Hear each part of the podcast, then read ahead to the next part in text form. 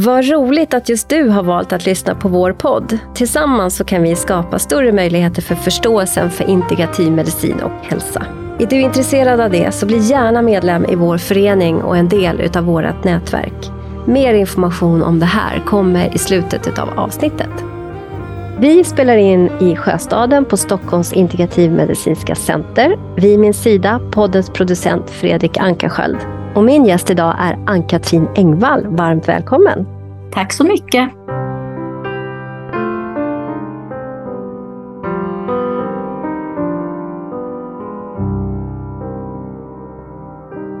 Ann-Katrin, du är filosofie doktor i molekylär cellbiologi och specialist i immunologi och virologi. Mm, det stämmer. Du har tidigare arbetat som forskare på Paul Ehrlich-institutet i Tyskland och som då är motsvarigheten till vår folkhälsomyndighet där du studerade cellevolution mellan världens, det vill säga människan och människans immunförsvar och virus och hur de påverkar varandra.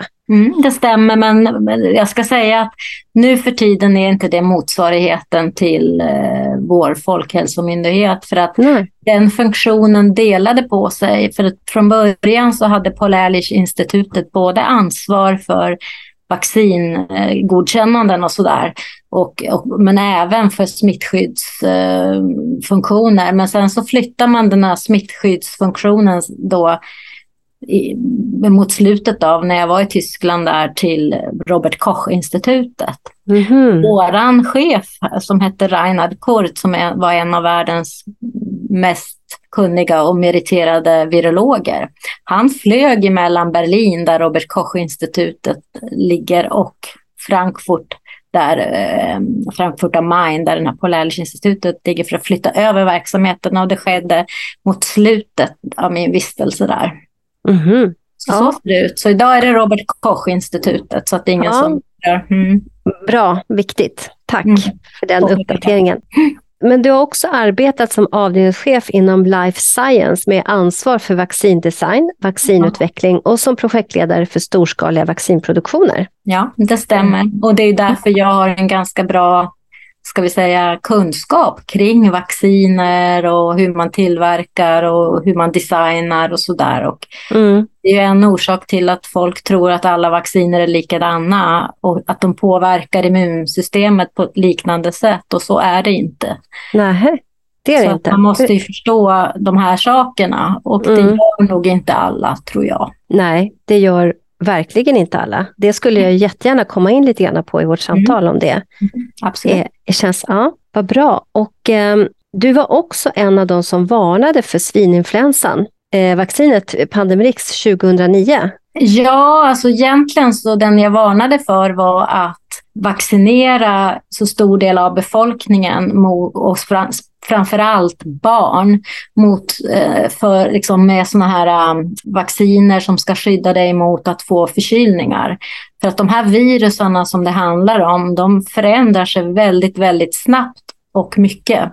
Och det gör att om man vaccinerar för stor andel av befolkningen, då kommer det leda till att, att virus, alltså det evolutionära trycket på virus att förändra sig kommer bli högt. Så att jag lärde mig faktiskt när jag jobbade på Palälis-institutet att de hade någon slags gräns där på att ungefär 10 procent av av befolkningen kunde vaccinera sig med ett sånt här influensavaccin gällde det då. Um, för att liksom behålla, inte sätta, riskera att vaccinet blir ineffektivt efter för snabbt. Mm det räcker ju bara ett år liksom då. Mm, om man då håller på att vaccinera för många, då driver det på att viruset undkommer det här. Alltså utvecklingen driver åt det hållet, för det är de som kan överleva, de som kan föröka sig vaccinerade.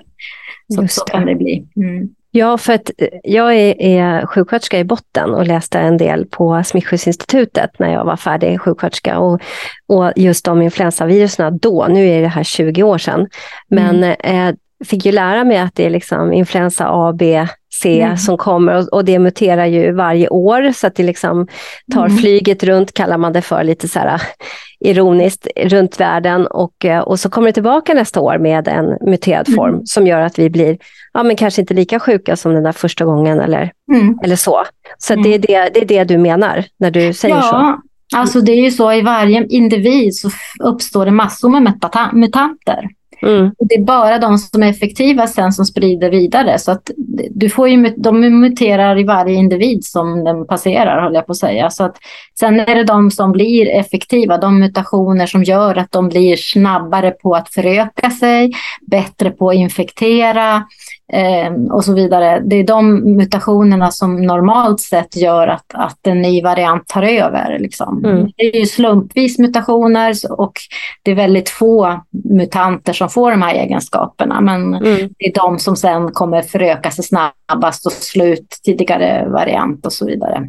Mm. Ja, för du har också, liksom att du, just Pandemrix så satt du också, du satt inte tillsammans med Annika Linde i TV4-soffan, utan vem satt du med och pratade alltså jag då? Satt, jag satt väldigt ofta med Björn Olsen, men också mm. med Johan Karlsson har jag suttit i och debatterat, som var då mm. generaldirektör för Smittskyddsinstitutet. Mm. Var senare generaldirektör för Folkhälsomyndigheten. Mm. Eh, jag satt också med några personer från Socialstyrelsen och sådär. Och, och eh, man då hävdade att ja, men du pratar bara teorier. Men för mig är det sånt som jag har lärt mig redan under min grundutbildning i immunologi och sånt som jag vet liksom är publicerat och, och sådär. Jag, satt, jag debatterade väldigt mycket med Johan Olsen, mm. men också med, med Johan Kahn. På den tiden var generaldirektör för Smittskyddsinstitutet och sedan övergick till att bli generaldirektör för Folkhälsomyndigheten. Mm. Också personer ifrån eh, Socialstyrelsen som jag satt och debatterade mot. Mm. Jag kommer inte riktigt ihåg vad de heter, men det var... Men jag tror att många av de som jobbar inom myndigheter eller läkare och så. Jag tror inte de har den djupa immunologiska förståelsen för de läser inte lika mycket immunologi på, på den nivån, liksom eh, celler och allt det där som jag har gjort. Mm. Eh, och jag har ju undervisat både läkare och apotekare i immunologi. Jag märker ju att det är en skillnad på hur mycket liksom, de egentligen kan i det här området. Mm. Så att det mm. märks. Det finns ju väldigt duktiga läkare som lär sig speciellt immunologi. Då, men, men mm. så generellt så tror jag inte de har den, riktigt den bakgrunden att de kan eh, förstå de här sakerna riktigt. Nej, och det jag, för nu har du ju även eh, varnat för covid-vaccinet. Ja, och där handlar det precis om samma sak. Att man faktiskt, de som behöver det här vaccinet, de förlorar ju sin immun, vaccinimmunitet mycket snabbare. Och det är inte så, alltså, de har ju vaccinerat fem gånger här personer som är sköra på ganska kort tid och det är ju inte riktigt normalt och det beror helt enkelt på, tror jag, att det här, de här uh, omikron och de andra vaccinresistenta virusvarianterna mm. faktiskt uh, tar över mycket snabbare än när du vaccinerar så stor del av hela världen, liksom, västvärlden och man har mycket interaktioner och sådär. Mm. Så det kommer generera väldigt många sådana vaccinresistenta mutanter därför att man har också isolerat befolkningarna ifrån varandra. Då, ök, då blir det liksom olika mutanter i olika populationer om du förstår, när man har stängt mm. ner och sådär. Så att man har faktiskt i mitt, min värld gjort saken mycket, mycket värre. Så att, men sen är det också en annan dimension här när det gäller covid-vaccinen så är det en ganska ny teknologi som, som jag kallar för pre-vaccin. Och det är därför att det inte egentligen de här mRNA eller, eller, eller DNA-delarna som, som är, man får inte en immunitet mot dem egentligen, utan du, det du får immunitet mot är ju de celler som producerar de här sen. Så att det är en slags förstadie till vaccin, där mm. dina egna mm. celler blir vaccinfabriker. Mm. Och det här utlöser ett immunsvar som är ganska, kan vara ganska farligt eftersom det attackerar din kropp. Det är mm. alltså T-cellsimmuniteten och de eh, attackerar kroppen och beroende på vad de här, eh, vilka celler som får in den här mallen för vaccinproduktion så, så kan det få olika effekter. Och man kan bli väldigt skadad om man liksom har otur. För att, eh, som jag förstår det så har du ju inte, du, du eh, varnar inte för att alla inte ska vaccinera sig utan, utan med covid, utan att, den, att det inte ska ske sån här massvaccinering. Visst ja. är det så? massvaccinering och framförallt ska man aldrig vaccinera barn eller ungdomar för det här. Nej. Eh, och det är helt enkelt därför att, att de kommer kunna ha nytta av sin, sin genomgångna infektion mycket längre hela livet. Mm. Att till exempel under svininfluensan, det jag såg när vi tittar på alla data, det var ju att de som var vissa åldersgrupper, alltså äldre, blev inte sjuka. Mm. Och då när man tittar på åldersintervallen så förstod vi ju då att ja men oj, här det sammanfaller när asiaten och Hongkong gick i, i populationen. Mm. Och så mm. tittar man på de virusarna så förstod man ju att de är väldigt lika på insidan och då har man antagligen kvar T-cellsimmunitet från barndomen. Så det är väldigt, väldigt viktigt att, att barn som liksom fortfarande är starka och klarar av den här typen av infektioner liksom blir Får gå igenom dem också. Ja, får gå igenom dem så tidigt som möjligt. Mm. Inte kanske bebisstadie, men när de är barn. Liksom. Mm. Och, och, det är helt enkelt därför att får man sin första influensa eller första coronainfektion när man är ung eller så, när man är 20-årsåldern, då kan man bli jättesjuk. Mm. Därför är det liksom viktigt att Eh, liksom, för det går inte att vaccinera bort den här typen av förkylningsvirus. Det går inte. Och det är helt Nej. enkelt därför att de ändrar sig så snabbt och är så anpassbara och kan rekombinera med olika varianter och så vidare. Så att det går så väldigt snabbt uh, i de här fallen. Det är skillnad mm. du kan vaccinera alla till exempel innan de överhuvudtaget exponeras för ett virus. Mm. Till exempel smittkoppor eller något sånt. Va? Mm. Då, då har du en bättre chans att lyckas med det här. Men det här sätter man igång vaccinationen när man vet vilken variant som dominerar och då är det egentligen för sent att försöka stoppa hela förloppet. För då sker det redan mutant, eh, alltså ja, i alla möjliga individer som redan har det, så man är liksom hela tiden några steg ja. efter. Ja. Det är helt mm. rätt och det är, det är det som jag, alltså det, det, det är det och så att det bästa tycker jag, det är att ge vaccin till de som verkligen behöver det och mm. låta alla friska och starka liksom eh, få en naturlig immunitet för den räcker både mycket längre och är mycket mer bred. För mm. immunförsvaret är inte bara antikroppar och det är inte bara, liksom, om du förstår, det är mycket, mycket mera som är involverat som man behöver träna upp.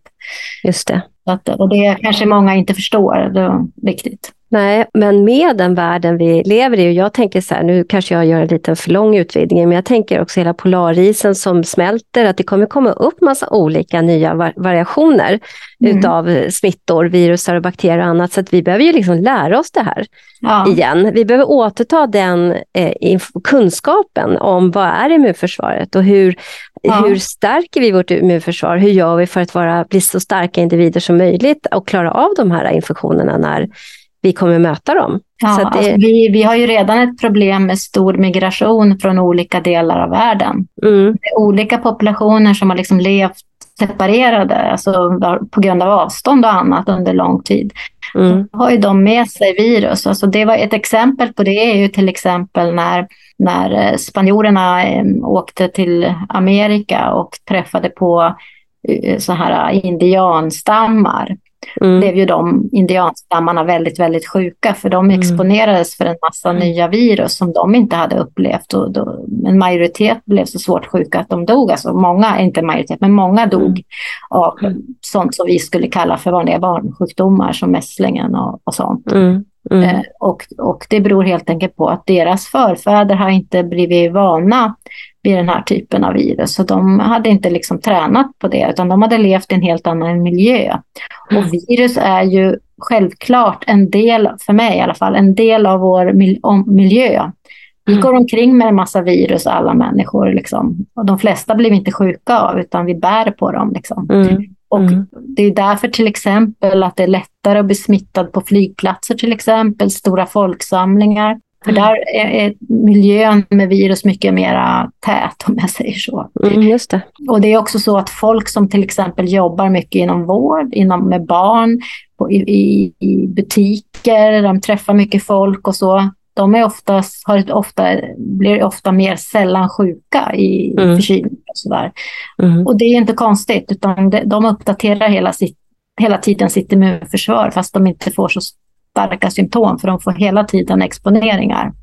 Just det. Och håller man sig undan då får man en sån här skuld, immunologisk skuld och sen då när man träffar alla igen efter man har hållit sig undan så blir folk sjuka igen. Och, och det, det var väl det Ja, förlåt, nu avbröt jag dig. Nej, jag tänker bara att det är det som händer när barn börjar skolan efter sommarlovet till exempel. Just det, men vi, vi såg väl det också. Jag tänker att i, i, i höstas till exempel så var det ju liksom larmrapporter om eh, akuten, att barn kom med jättesvåra eh, infektioner. Eh, det var epiglotiter som man plötsligt såg mycket större utsträckning igen och så vidare. Var det inte så? Jo, och det är mm. helt enkelt därför att vad som händer är balansen, man rubbar balansen. Och då rubbar man balansen till patogenernas fördel när man håller sig undan. Mm. Och det är kanske en orsak till också att de som håller sig mycket undan och kanske är äldre och inte träffar så mycket folk. Mm. Det är en av orsakerna, det finns flera. Men, men mm. det kan ju vara en orsak till att när de väl träffar på så blir de väldigt sjuka då när, det, när de träffar på något nytt. Så att säga. Men sen är de ju skörare också och har ett sämre mängd T-celler när man blir äldre. Och det mm. påverkar ju också försvarsförmågan just mot virus. Ja. ja, vi tog oss rakt in i dessa känsliga ämnen, känsliga ja. ämnen idag. Ja. Eh, och jag, har ju lyssnat på lite grann andra saker som du har eh, publicerat och du har blivit intervjuad och så vidare. Men jag ville bara gå tillbaka till en sak innan jag går vidare till det. Och det var att du har ju studerat cellevolution mellan världen, det vill säga människans immunförsvar och virus och hur de påverkar varandra. Ja. Och så, så hade jag ett väldigt intressant med Ralf Sundberg doktor mm. Sundberg. Mm. Kände ni varandra? Alltså vi har pratat i telefonen, men han lever väl inte längre tror jag. Nej, han gör inte det. Han är avliden, tyvärr. Ja, så vi pratar eh. i telefon och jag förstår att han förstod ju mig ganska väl vad jag menar. Så vi har rätt så mycket lika värderingar i det här fallet. Ja, och han, han, han berättade för mig, för att han var ordförande för Läkarföreningen, jag var ordförande för FIM.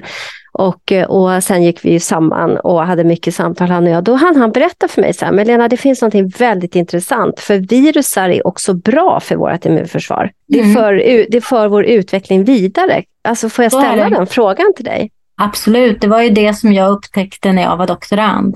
Mm. Jag studerar då generna för de som, alltså det finns molekyler som styr hela vad vi får för typ av presentation och vad vi får, alltså som presenterar antigen som man säger, eller delar av patogener för immunförsvaret och styr vilken typ av svar vi får.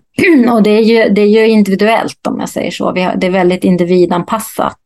Så det är därför våra immunförsvar kan variera beroende på att ja, vi får, det är väldigt liksom varierat och brett och individuellt. Man kan till och med, förr så tittar man på såna faderskapsutredningar och så när man tittar på de här molekylerna för att kunna identifiera om någon kunde vara pappa till ett barn och så. För man ärver mm. hälften av mamma och hälften av pappa. Och de här generna studerade jag.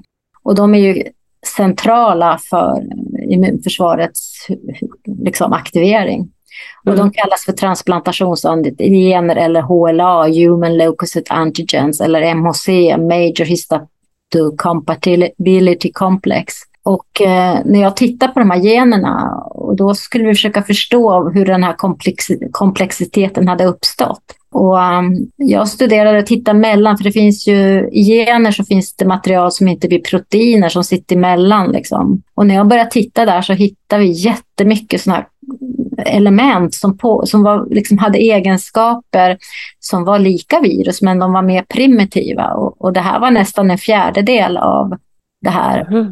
området innehöll sådana här äh, virusrelaterade element. De kan också kallas för retrotransposoner eller transposoner. Och de kan hoppa, de kan liksom göra så att gener kan dubblera gener, den kan ta bort delar ur gener och den kan göra allt möjligt. Och då undrar jag, liksom, det här är lite konstigt, varför har vi så mycket sådana här element här, liksom så tänkte jag. Och så mm. började jag titta också och såg att ja, men de har verkligen haft en betydelse för utvecklingen av hela det här systemet. Så. Då så undrar jag, liksom, jag började, det var då jag började läsa virologi, för jag förstod att det fanns samband. Ah. Och då hittade jag en, en intressant eh, Nobelpristagare som heter Temin Mm -hmm. han hade identifierat leukemivirus, alltså ett cancervirus som orsakade cancer. Och, eh, så. och han hade idén om att virus hade uppstått ur våra arvsanlag, liksom att det var som en evolutionär verktyg. Och när jag tittade på mina saker som jag hittade där så var det det som var logiskt. Ja, men det måste ju vara så här. Liksom, mm. Varför ska någonting blir mer, som är mer komplicerat som ett virus kunna gå in i genomet och bli mindre komplicerat. Så brukar det inte se ut utan det brukar bli mer och mer avancerat. Just det. Så, och då tänkte jag så här, ja, men tänk om det är så att, att det här är en evolutionär mekanism som är ett sätt för oss att anpassa oss till vår miljö. Liksom. Så tänkte jag då. Och när jag förde ut de här tankarna så var ju det väldigt kontroversiellt. Jag blev ju nerskälld och allt möjligt. Men, men det var det enda liksom som var logiskt, mina resultat att det var liksom att vi skulle ha 25 procent sånt här rörligt material eh, som är besläktat med virus i våra gener som kodar för vårt immunförsvar. Och då började jag förstå att ja, men, de här olika systemen påverkar varandra jättemycket. Och jag visste ju också då att eh, vi påverkas av våra förfäders vad de har gått igenom för infektioner. Liksom. Det selekterar ju vilka som kan föda barn och så vidare. Mm. Så man kan ju se i de här generna också vilken, vilken etnicitet man har och vad ens föräldrar har, liksom, anfäder har haft för infektioner och så. Gud vad häftigt. Det är, ja, det är häftigt. Ja, ja. det är väldigt häftigt. Och, och mm. det är ju liksom sånt som man ignorerar idag. Man, säger, man utgår från att alla är lika bra, men det är väldigt stora individuella faktorer och väldigt stora skillnader, etniska faktorer. Liksom. Mm. Just på gennivå. Mm. Och också det mm. man såg eh, i det här då, det är också att de väldigt inavlade populationer, alltså människor som inte liksom, eh, ja, beblandar sig så mycket med nej, andra kan man säga. Nej, ja. till exempel Amish i USA. Mm. Mm. hade ändå ganska stor variation på det här, trots att de är ganska inavlade. Och det mm. beror troligtvis på att det finns mekanismer som gör att vi väljer partner, eller kvinnan väljer partner efter vilket immunregleringssystem mannen har. Och det är kopplat till feromoner, man kan alltså lukta på, som en kvinna luktar på en man och fann, fann honom attraktiv så, så, så hade han den mest skilda, liksom bästa kompletterande mm. HLA-gener som kompletterade henne bäst. Så därför hade de mekanismer som gjorde att man upprätthåller så bred försvarsförmåga som möjligt. Och det är ju bra. Därför mm. att man vill ju att i en population, befolkning, så ska man ha så många olika varianter som möjligt. För det är alltid någon som har den rätta. Om du förstår vad jag menar. Ja, jag fattar och virus har faktiskt påverkat hela den här utvecklingen. Och det var som en så här riktig eureka-upplevelse för mig, en riktig aha-upplevelse. Och som också påverkade min syn på det här med immunsystemet och virus och vad är patogener och sådär. Vad är virus egentligen? För vi mm. lever ju också i symbios med vissa bakterier som vi inte kan mm. leva utan. Va? Så att, ja. Eh, vi lever eh, vi lever väldigt stor utsträckning i symbios med mm. bakterier. Ja. Eh, vad är det hon? Elisabeth Norin, docent Elisabeth Norin, känner ni varandra? Nej. hon, hon var med i något av våra seminarium för flera år sedan när vi gjorde en om ADHD och mikrobiomet där de hade sett att eh, de hade i alla fall i, sin, hon, i hennes forskning, hon är ju mamma till eh, de här fekalcocktails. Mm, så man mm. faktiskt gör transplantationer, fekaltransplantationer rakt ner i, mikro, ner i magen för att ta hand om vissa sjukhusbakterier och så vidare enda behandlingen som fungerar på vissa. Så att, men där man har sett just det här med immunförsvaret, att man har gjort en donation på en kvinna som eh, hade liksom en väldigt bra immunförsvar, väldigt bra hälsa överhuvudtaget. Och det är det man sedan har odlat på väldigt mycket för att mm. undersöka massa olika saker. Men hon sa det att vi, liksom, vi är 95 procent bakterier och sen mm. är det 5 procent annat. För att vi liksom har det i hela vår tarm och på huden och ja, överallt visst. i praktiken. Och de är också en del av immunförsvaret för att de här mm. bakterierna som man har på huden och i slemhinnor så de producerar laktat vilket sänker pH och det hindrar andra bakterier från att ta sig in och dödar olika saker av patogener. Så det, det, är ju liksom en slags sak som vi har, ja vi lever liksom i en miljö där vi, vi, eh, har lärt oss leva med vissa saker och kanske till och med blivit, fått nytta av vissa Behöver de? Ja. Hela tarmen är ju också liksom, ja. mikrobiomet. Vi kan inte smälta ja. gluten om vi inte har en viss bakterieflora och så vidare. Alltså, det är ju ja, hela det är balans. Ja, alltså, jag brukar alltid prata i medicinska sammanhang om att det mesta i, inom både biologi och medicin är ju faktiskt balanser. Så om de balanserna rubbas så är det inte bra. Och det är likadant här med virus och immunförsvaret. Om man rubbar mm. för mycket så, så får man problem. Liksom. Och mm. Och det är ju det här precis som när spanjorerna kom till eh, Amerika och smittade indianerna så rubbar man deras balans. Liksom, så. Mm. Och likadant när man nu stänger in folk så rubbar man den här balansen. Och om man vaccinerar för mycket så rubbar man också balansen. Att man synkroniserar stora befolkningar som inte är naturligt på mm. att ha en viss immunitet. Och när det kommer då virusresistenta stammar så blir alla mottagliga samtidigt. Liksom, och det är ju inte bra. Nej, men det här covid-vaccin eller viruset nu när det kom ut. Vad, vad, det har ju, från början så var det, var det Kina, var det USA, var det hit och dit och fram och tillbaka. Vad säger man idag? Inom, Varifrån inom, det kommer eller? Ja, ja, vad är det för alltså, sorts jag? Jag reagerade ju ganska starkt på att det spred sig så snabbt. Mm. Det sa mig två saker. Att dels är det här redan anpassat till mänskliga celler. Det betyder att det kan inte komma från ett djur mm. inom koppar. Antingen mm. så har det här funnits länge i Kina eller så har det liksom blivit någon läcka från det här labbet i Wuhan. Mm. Så det tänkte jag. Mm. Jag, vet, alltså jag kan inte säga vilket, men, men eh, ja, som mm. sagt, det kommer i alla fall inte från någon djur från någon djurmarknad relativt nyligen. Det förstår Nej.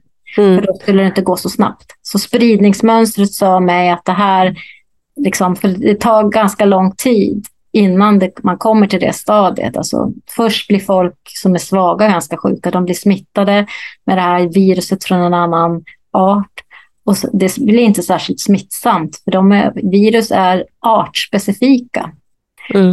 De, de är mycket mer artspecifika än bakterier. Och, och liksom, de måste känna igen värdcellen och binda till deras receptorer. Och det är skillnad på olika, även till exempel schimpans, schimpanser och sådana där är skilda från oss också. Så att vi kan ha en viss korsreaktion eller sådär. Men man måste för det första få en väldigt hög virusdos i kroppen för att det här ska inträffa.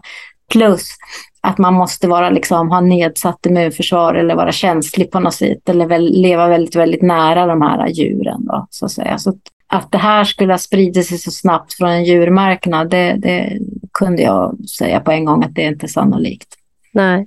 I era kretsar, alltså immunologer och biologer, mm. eh, specialister inom det här, är man intresserad av vad det kommer eller har man liksom släppt det? Man struntar i det nu och fokuserar mer på... Ja, alltså nu, nu spelar det ju inte någon roll för det finns ju redan. Liksom. Mm. Men, men visst, det är känsligt att prata om de här sakerna för att det är ju liksom den forskningen som pågick där i Kina, i Wuhan, var ju ganska oetisk tycker jag. För vad man gjorde var att man för, aktivt försökte få fram ett mera ett virus som var farligare för människor. Liksom. Mm. det tycker jag inte man ska göra om man inte har några vacciner. Liksom. Det är lite mm. konstig forskning att bedriva. Mm. Eller hur? Ja, verkligen. Säkert. Alltså jag jobbar ju på Palälish och där hade vi supersäkerhet. Vi, de jobbar ju med HIV och så vidare också. Och där fanns det inga vacciner, men det var ju enorm säkerhet. Alltså, vi hade ju vakter och vi, fick, vi hade hur mycket vaccinationer varje år som helst i mm. omgångar. Vi hade egna läkare som hände någonting. Så jag menar, jag vet att jag svimmade en gång för jag hade lågt blodtryck och jag blev mm. inlagd på sjukhuset i en vecka för mm. undersökning. Och det var liksom stenhårt. Alltså, mm. folk fick som inte det ska vara. Tänk, alltså. ja, och dessutom så låg det utanför. Det låg inte i mm. Frankfurt som en storstad utan det låg mm. utanför. Och det är helt enkelt av säkerhet. Mm. Man ska inte, alltså personer som jobbar med det här ska inte, det ska vara minimal risk att de tar med sig någonting ut.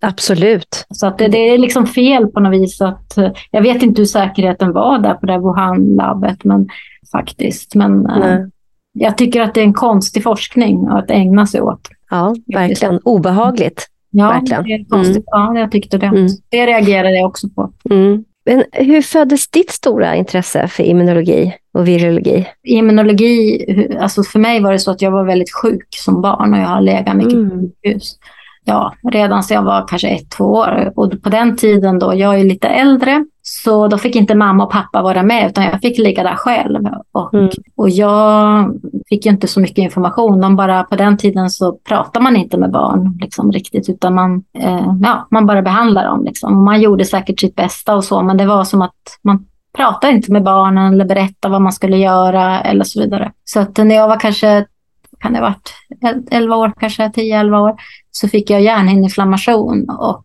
då vart jag inlagd på en sån här epidemisjukhus i Västerås, varifrån jag kommer. Och där fick jag ligga då i, en månad kanske. Och, eh, liksom, och då fick jag ligga i ett mörkt rum för jag fick inte titta, jag fick inte mm. se ljus och jag fick inte röra på mig, jag fick ligga där still. Och, och, när man är tio år så har man ju väldigt tråkigt och inga besök. Liksom, så. De fick komma en timme, min pappa fick komma en timme och sådär. Och jag försökte rymma därifrån flera gånger. Och de hittade, för jag kunde inte gå, jag hade ingen balans. Så att de hittade mig på golvet flera gånger, liksom, mm. att jag bort därifrån. Eh, för jag förstod, alltså, ja, jag förstod inte riktigt varför jag skulle vara inlåst där. Men, men eh, i alla fall så hade jag väldigt mycket tid och fick filosofera varför jag är så sjuk och varför är det liksom så här och hur fungerar allting och hur blir man frisk och allt sånt där. Så det börjar väl kanske där. Och eftersom jag tillbringar mycket tid på sjukhus och så där så, så mm. vill jag förstå liksom mig själv kanske. Mm. Mm. mm. Och, då, och då blev det mikrobiologi först, eller molekylär cellbiologi, förlåt. Ja, från början läste jag till farmaceut Mm. Sen så efter det så, så gjorde jag en praktik där, där vi höll på med genteknologi. Och då, ja, det här var kul. Det var alldeles nytt med molekylärbiologi då, och gener och sånt där. Och jag blev helt begeistrad. Och sen så fortsatte jag läsa till Master of Science in Biotechnology, alltså MSc. Eh, och det var bioteknik och där ingick det immunologi i min kurs. Man fick välja lite. Och då när jag läste det så bara kände jag att men gud, det här är ju vad jag vill göra. Liksom. Så var det det träffar mig direkt liksom i hjärtat. Efter det så, så började jag som doktorand då på, um, hos en av de här föreläsarna som jag hade på den kursen, um, som heter Lars Rask. Och de hade ju, var en av de liksom mest framstående gruppen då, som hade jobbat med just de här MHC-molekylerna. Och många kända forskare, bland annat Svante Pääbo hade varit på den avdelningen och Lars Klareskog hade varit på den avdelningen. Det är många av de här kända som har varit där. Så det var ju väldigt fin och bra och liksom kreativ miljö att göra forskning i faktiskt. Mm. Ja. Det var väldigt så att vi fick prata om allt möjligt, inte bara det vi höll på med utan forskning överhuvudtaget och mm. saker som var på gång och, och sådär. Och det var ju alltid folk som jobbade dygnet runt. Liksom. Mm. Så att man var ju aldrig ensam där och det fanns ju alltid någon att äta middag med och sådär. Så, så det mm. blev liksom som en person. Och på den tiden så var det inte samma, vad ska vi säga, det var inte det här inrutade utan man fick ett projekt som var en hål, nål i en höstack. Mm. Och det projektet jag fick var första projekt var att hitta ge, om det fanns någon koppling till narkolepsi faktiskt.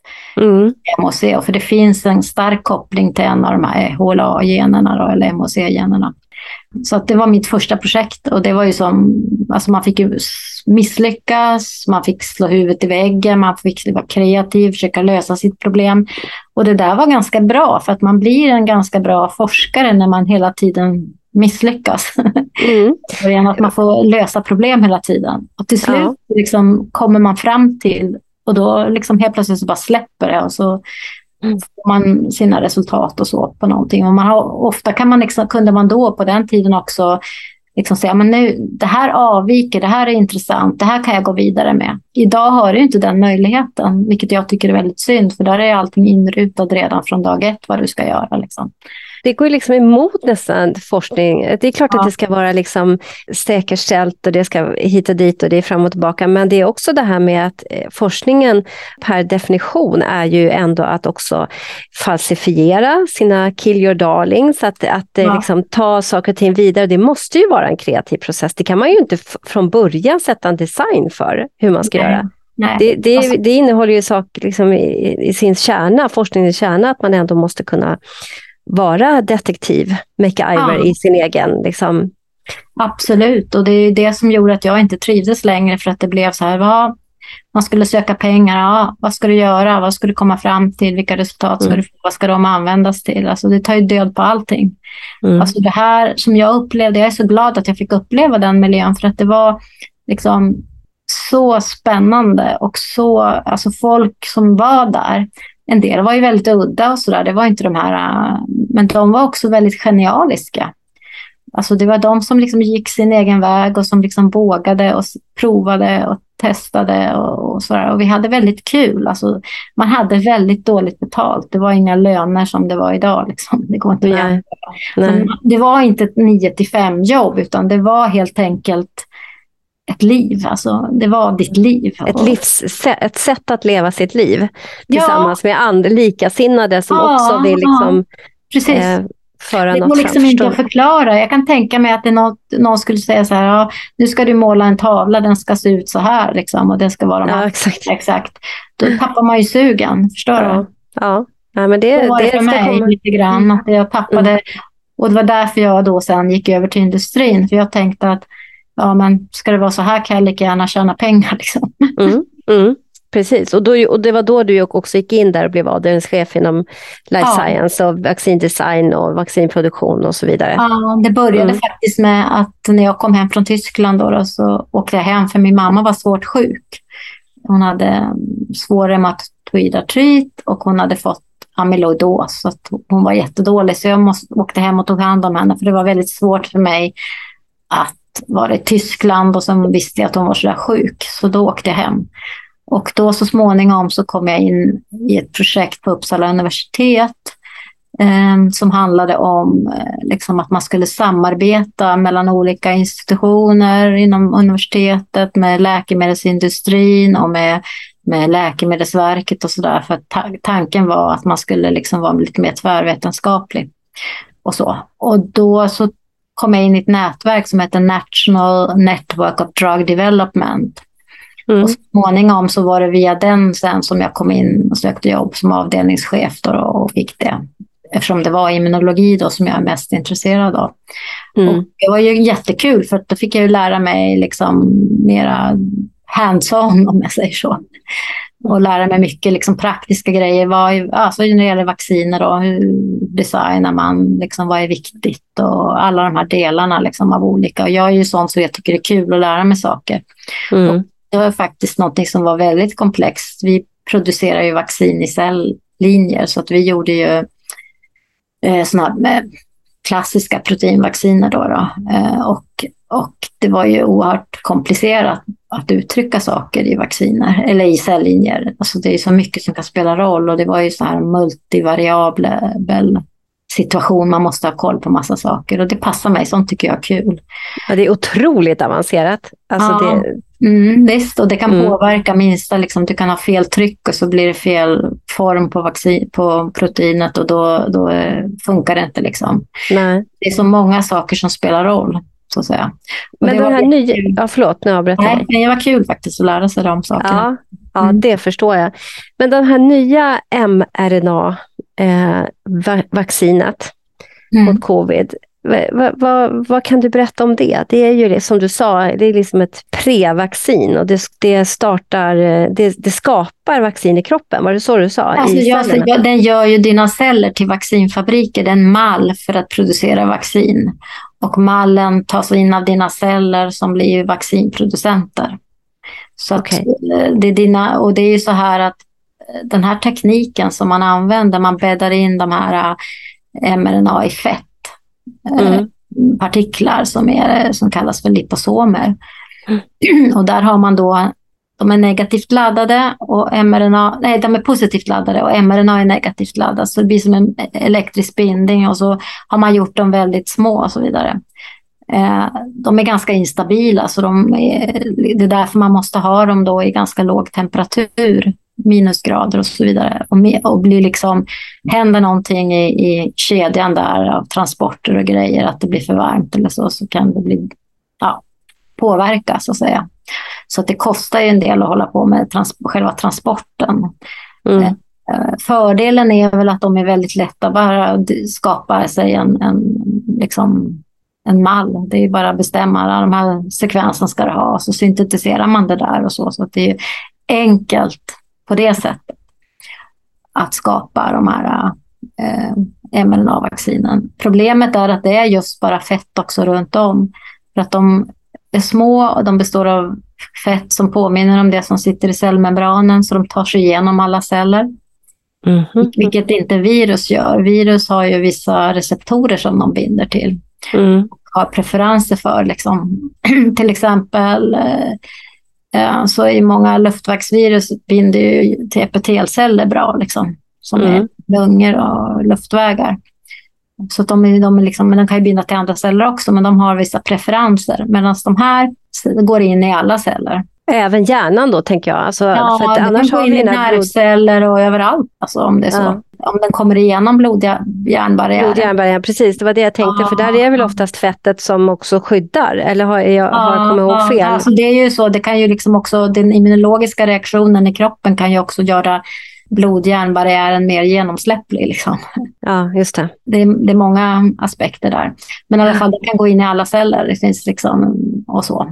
Ett annat problem är ju att det är bara fett på utsidan så att om du får det en andra gång då finns det ingenting som stoppar. Eller finns ingen, virus finns det ju antikroppar sen som minskar antalet celler som får in det. Men det finns det ju inte med vacciner. Mm. Då är det bara din immunologiska minne som finns där. Så att reaktionen kommer bli starkare och starkare liksom, ju fler mm. du får. Och till slut då så kan det bli, det blir tolerant mot den här liksom, viruserna. Det vill säga att du inte, ditt immunförsvar slås inte på när du blir infekterad och det kan ju ställa till problem. Liksom. Ja, verkligen. Men det blir ju nästan kontrainducerat gentemot hela vaccinidén. Ja, i det här fallet så blir det ju så. Jag menar, det är ungefär som du vet när du det finns ju sån metod med, med, hos allergiker att man exponerar dem liksom för mm. allergener. Lite, lite, lite, lite under väldigt lång tid. Liksom, ja, så. och sen mer ja. och mer. Va? Mm.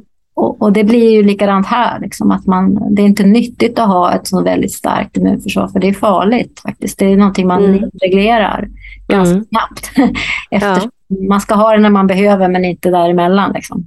Ett starkt immunförsvar attackerar väl kroppen själv. Det är ju så man alltså jag har till exempel ja. själv hypotyreos Hashimoto, så då har jag lärt mig det. Då är det ju liksom kroppen som attackerar sköldkörteln själv. Ja, och det är, inte det... Det är farligt.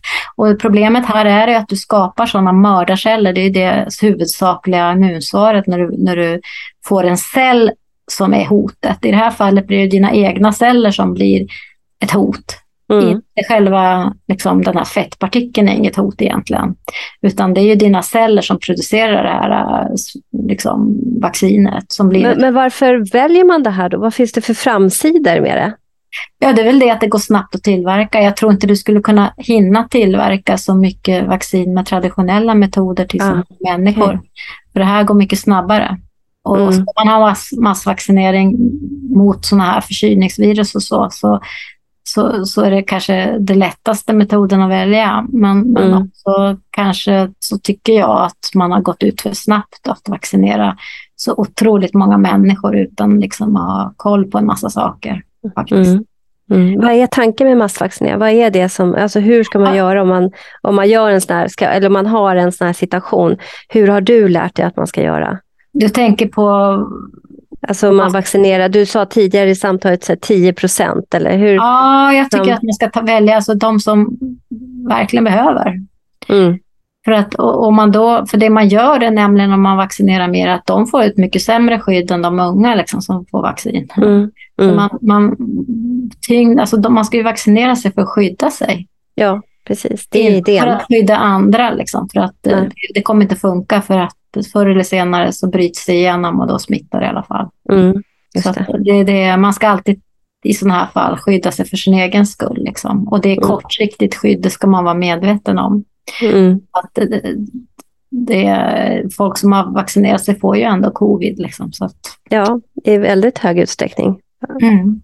Och det kanske beror på att de har blivit toleranta, vad vet jag. Liksom. Det, mm. Man har ju visat att det är en del sådana tolerans signaler som har aktiverats, bland annat alltså som är vanliga att se när man får sån här toleransutveckling. Då, då. Mm. har man ju sett hos en del vaccinerade, bland annat såna här, i vissa typer av antikroppar som är vanliga då när man får tolerans. Okej. Okay. Mm. Mm. um, det, det, är inte helt... Alltså, det här är inte, det är inte helt bra att liksom, utsätta så många människor för det här, tycker jag. Och speciellt inte unga friska som kanske inte behöver det. Liksom. Nej, just det. Det var jag, jag eh, Jag själv fick eh, covid eh, och är liksom vaccinskadad själv sedan tidigare. mm. utav Gardasil. Mm. Eh, lång tid. Så att jag, är, är, jag har ju också varit ung när Pandemrix kom och så vidare, hade småbarn och så här. Så jag har ju trott alltid på, så är jag utbildad på Smittskyddsinstitutet och har lärt mig samma sak. Det är bättre att ha en egen genomgång än ja. eh, så, eh, infektion om man klarar av det, om man inte är liksom, så mm. att man är en annan. Så jag, hävdar, jag hävdar hela tiden att varje människa måste ta sitt eget beslut. Ja. Utifrån mitt utgångsläge så väljer jag X, Y, Z och det måste man liksom mm. få göra.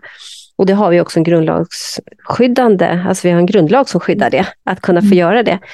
Men eh, jag fick covid och, och, blev väldigt sjuk och det var, jag tror ju också att det hade att göra med stor stress för mig. Eh, som jag hade gjort massa, skilt mig och gjort massa saker under det året och sen fick vi allihopa det. Men då blev min räddning antihistamin. Mm. För på dag 11 när jag blev sjukare, sjukare och fick ännu mer mm. hosta och febern gick upp och så vidare så fick jag ett tips om egenvård utav att ta antihistamin och så hade jag tagit kortikosteroider hela tiden för att jag har astma. Och då vände liksom hela förloppet mm, på ungefär en timme. Vad hände då? Alltså det är ju så att jag gick ju igenom det här på min föreläsning bland annat. Ja att det första som händer är ju att man får sina mördarceller och så vidare. Och de döda cellerna sätter igång antikroppsförsvaret. Så att antikroppsförsvaret, det humorala immunförsvaret, det är ju ett senare skede i den här mekanismen. Så för att få det måste du skada kroppen liksom med attack på dina kroppsceller. Och sen så får du antikroppar och blir den väldigt stark, då driver det på det här äh, histaminförsvaret genom att du, får, du, du producerar också IgE-antikroppar. Och är det så att de liksom, äh, och du får också mastcellinfiltrering liksom, och, och binder då IgE dit och, och så vidare, så om, om, du har allergier så kan det vara så att, att om du liksom råkar ha de här som du är allergisk mot samtidigt, i miljön så får du en, en reaktion. Eller så kan det vara spikeproteinerna själva som, som utlöser det här allergisvaret hos dig. Liksom. Ja. Båda. Och mm. jag förstår då att om man dämpar med antihistamin så minskar en del av de här symptomen som faktiskt är orsakade av ditt immunsvar, inte av viruset utan ditt immunsvar som skadar dig. Och om du dämpar då immunsvaret och framförallt med antihistamin så kommer du minska också inflammationen lite grann. Och det, inflammationen skadar ju dig så många gånger i ett visst läge, kanske inte tidigt, men i ett visst läge så är det bra att dämpa inflammation, speciellt hos, hos personer där det där liksom triggar igång sig själv hela tiden, om du förstår. Det blir som en mm. spiral. Inflammation triggar skador, triggar oxidativ stress som triggar inflammation, så det blir liksom, det tar aldrig slut och det tar ganska lång tid, om man, speciellt om man har allergiska besvär. Jag har ju själv mm. och jag blir väldigt dålig när jag blir förkyld liksom, och slem. Mm, samma för mig. Så att så är det. Mm. Ja, men för den, den är ju väldigt intressant tycker jag också med tanke på att, att eh, ja, men hur vissa, att man just blev sjuk senare. Det finns läkare som pratar om just det här eh, spikeproteinet. Jag läste i en läkartidning för länge sedan nu så stod det var det tre läkare som jobbade på en avdelning med eh, känsliga patienter, exempelvis ME. Och de skrev mm. som en som en fallbeskrivning, liksom, att det, de har sett att de här personerna mår bra av att få lite antihistamin före och efter vaccin med ja. covid. Ja, och då har de klarat av vaccinet bättre. Så den är också intressant liksom, med tanke ja, på... Ja, Den, det är liksom ett sätt att... Alltså histamin är ju en av de här, cytoki, alltså, en av de här signal, kemiska signalsubstanserna, precis som mm och sådär. Mm. Så att allting påverkar varandra. Liksom. Och det, mm. det, stora problemet för de här patienterna är just höjd inflammationsproblematik. Liksom. Mm. Mm. Och, eh, antihistamin påverkar ju det. In, alltså, just det. Histaminer stimulerar ju inflammation. Så att, mm. Verkligen. Så Nej, men vad intressant. Och antihistamin kan ju hjälpa. Ja, för det, det, det är liksom, jag, min hosta halverades på 30 minuter och jag hade lukt och smak tillbaka på ytterligare 30 minuter. Det var ju mm. liksom sensationellt eh, för mig. Liksom. Mm. Och det vet jag ju kanske inte gäller för alla, men för mig var det på det sättet. Mm. Vilket var ju väldigt intressant, för det är ändå en egenvård som är ganska harmlös. Mm. Liksom. Ja, eh, alltså det här samtalet har varit helt fantastiskt intressant. Därför har ju tiden sprungit ifrån ja. oss. Så vi är snart uppe i en timme, men innan vi avslutar så skulle jag vilja fråga dig eh, två frågor. Eh, dels om du har någon som du känner att du vill tipsa oss om att som, skulle vara, som, är, som är en person som är viktig att lyssna till, som vi skulle kunna få bjuda in. Eh, och eh, ja, förlåt. Nej, det är svårt faktiskt. Eh, Sture Blomberg kanske. Sture Blomberg. Vem är Sture Blomberg? Han är en före detta överläkare som har jobbat inom, inom intensivvård. Mm. Eller möjligtvis kanske, vad heter han då? Eh, Singmark, Hans Singmark kan vara intressant för han har ju jobbat både med eh, personer som eh, har haft covid och personer som har fått vaccinskador efter. Och han mm. vill gärna prata om sånt som är liksom att man måste prata om de här sakerna. Det är, ja, ju... men det, är ju det, det, är det vi måste göra. Det, mm. det, vi måste kunna prata, annars är det någonting som är fel. Ja, ja. Men vi, båda de personerna är intressanta att prata med. Mm. Ja, men stort tack för det. det. Jag tar med mig dem. Och min andra fråga var att innan vi avslutar, om det är någonting som du känner att vi, att vi ska ta upp och prata om innan vi avslutar som är viktigt? Nej, jag tycker vi har gått igenom ganska mycket och jag vet inte, jag, jag kan prata om det mesta men det finns ingenting sånt där jättecentralt liksom, som jag tycker att vi har missat. Ja, det enda är ju att, att jag tycker att det är obehagligt att eh, man ger liksom råd att vaccinera sig utan att kunna motivera vad fördelarna är liksom till folk som redan har genomgått infektionen. Mm. Det, det, har jag väldigt svårt att, att köpa. Att man liksom bara, ja men ta här en dos och så vidare. Jag tycker att det är lite oetiskt. Man ska liksom kunna argumentera för sin sak med konkreta liksom, fakta och säga att det är bra därför att och så vidare. Mm. Och kan man inte det, då tycker jag att det känns lite konstigt faktiskt. Och mm. att man liksom, det känns också väldigt konstigt att medicinska behandlingar ska säljas med hjälp av kändisar och PR och gratis drinkar i baren och, och förmåner och löneförhöjningar och sådär. Det är för mig väldigt, väldigt, väldigt konstigt. Mm, det är mycket, mycket märkligt och oetiskt faktiskt. Ja. Ja, jag känner det, därför att det, det, mm. det, har ju någonting som man har kallat för alltså, mutor mer eller mindre, som har varit tabu inom läkarkåren tidigare. Förbjudet blev det ju till och med med eh, såna här läkemedels, eh, läkemedelsföretag som var ute och hade läkarluncher och annat och bjöd ja. på resor och så vidare. Det förbjöds ju sen. Så mm. det, det är liksom... I det här liksom- fallet så verkar det vara helt okej, okay, vilket jag tycker är konstigt. Mm. Det tåls att pratas om och diskuteras och det behöver vi ändå hålla högt, den fanan högt med de sokratiska samtalen. Ja. Där vi liksom lär oss någonting tillsammans. Och att det är viktigt att vi försöker förstå någonting tillsammans. Och jag, ja. och jag tänker också att många av de här människorna som du hör till den gruppen, att våga problematisera. För mm. du har stort, du, du liksom har jobbat stora delar av ditt liv för vaccinproduktion. Ja. Och då är det ju sådana som du som man ska lyssna på. Jag tycker att just kring Pandemrix, då var ju du med också i tv-soffor och satt och pratade mm. eh, för och emot. Jag har inte sett det när det gäller covid-vaccinet. Har du nej, gjort det? Alltså, nej, alltså jag, nu har det liksom blivit tabu. Man får inte ha de åsikterna jag har. Eller de, eh, den här informationen är liksom inte acceptabel, vilket jag tycker är konstigt eftersom för mig är ju all sån här, är ju liksom att man ska se saker från olika perspektiv och diskutera saker. Det är väldigt konstigt att vissa perspektiv inte får finnas. Mm. Då, då signalerar att det här är inte vetenskap, det här är någonting annat. Mm. Så känner jag. Därför mm. För mig är det helt naturligt att ifrågasätta. Det är det vi gör inom det är forskning. Det, ja, exakt. Det var det jag skulle säga också. Det är mm. det forskningen ska göra. Ja. Ifrågasätta. Ja. Och, vi, och vi lär oss från början. Jag har också stort intresse i forskning och mm. lite, har gått lite olika sådana utbildningar för jag tänkte att jag skulle kanske ta den banan in men sen blev mm. det psykoterapi. Att vi ska falsifiera allting som vi tror att vi håller för sant.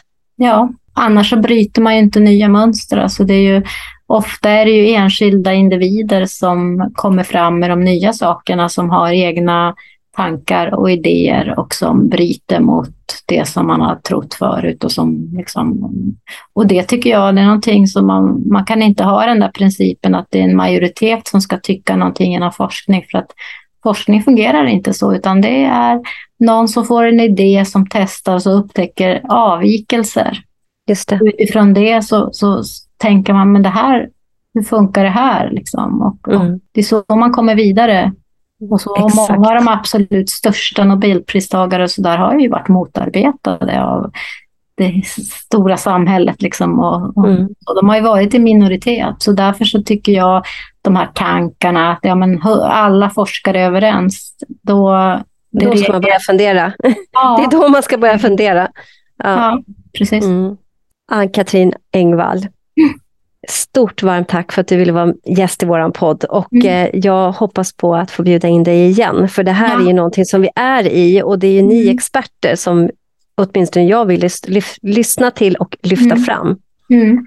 För att kunna problematisera och, och diskutera det vi liksom lär oss tillsammans ja. i den här situationen. För jag tror inte att, apropå det jag sa om polarisar och andra utmaningar som vi har, apropå klimat och så vidare, mm. att vi har en uppvärmning. Det, vi kommer behöva umgås med de här diskussionerna ja. och problemen. Och då gäller det ju faktiskt att lyssna på folk som inte tycker, alltså som har andra sätt att se på för att man måste lägga ett pussel. Och det finns inte en individ som kan lägga det pusslet helt själv utan man behöver varandra. Just det. Och det tror jag att man måste liksom ha en öppenhet för att, mm. att uh, lyssna på kritik. Ja, absolut. Stort varmt tack mm. för att du var med oss idag. Tack. Okay.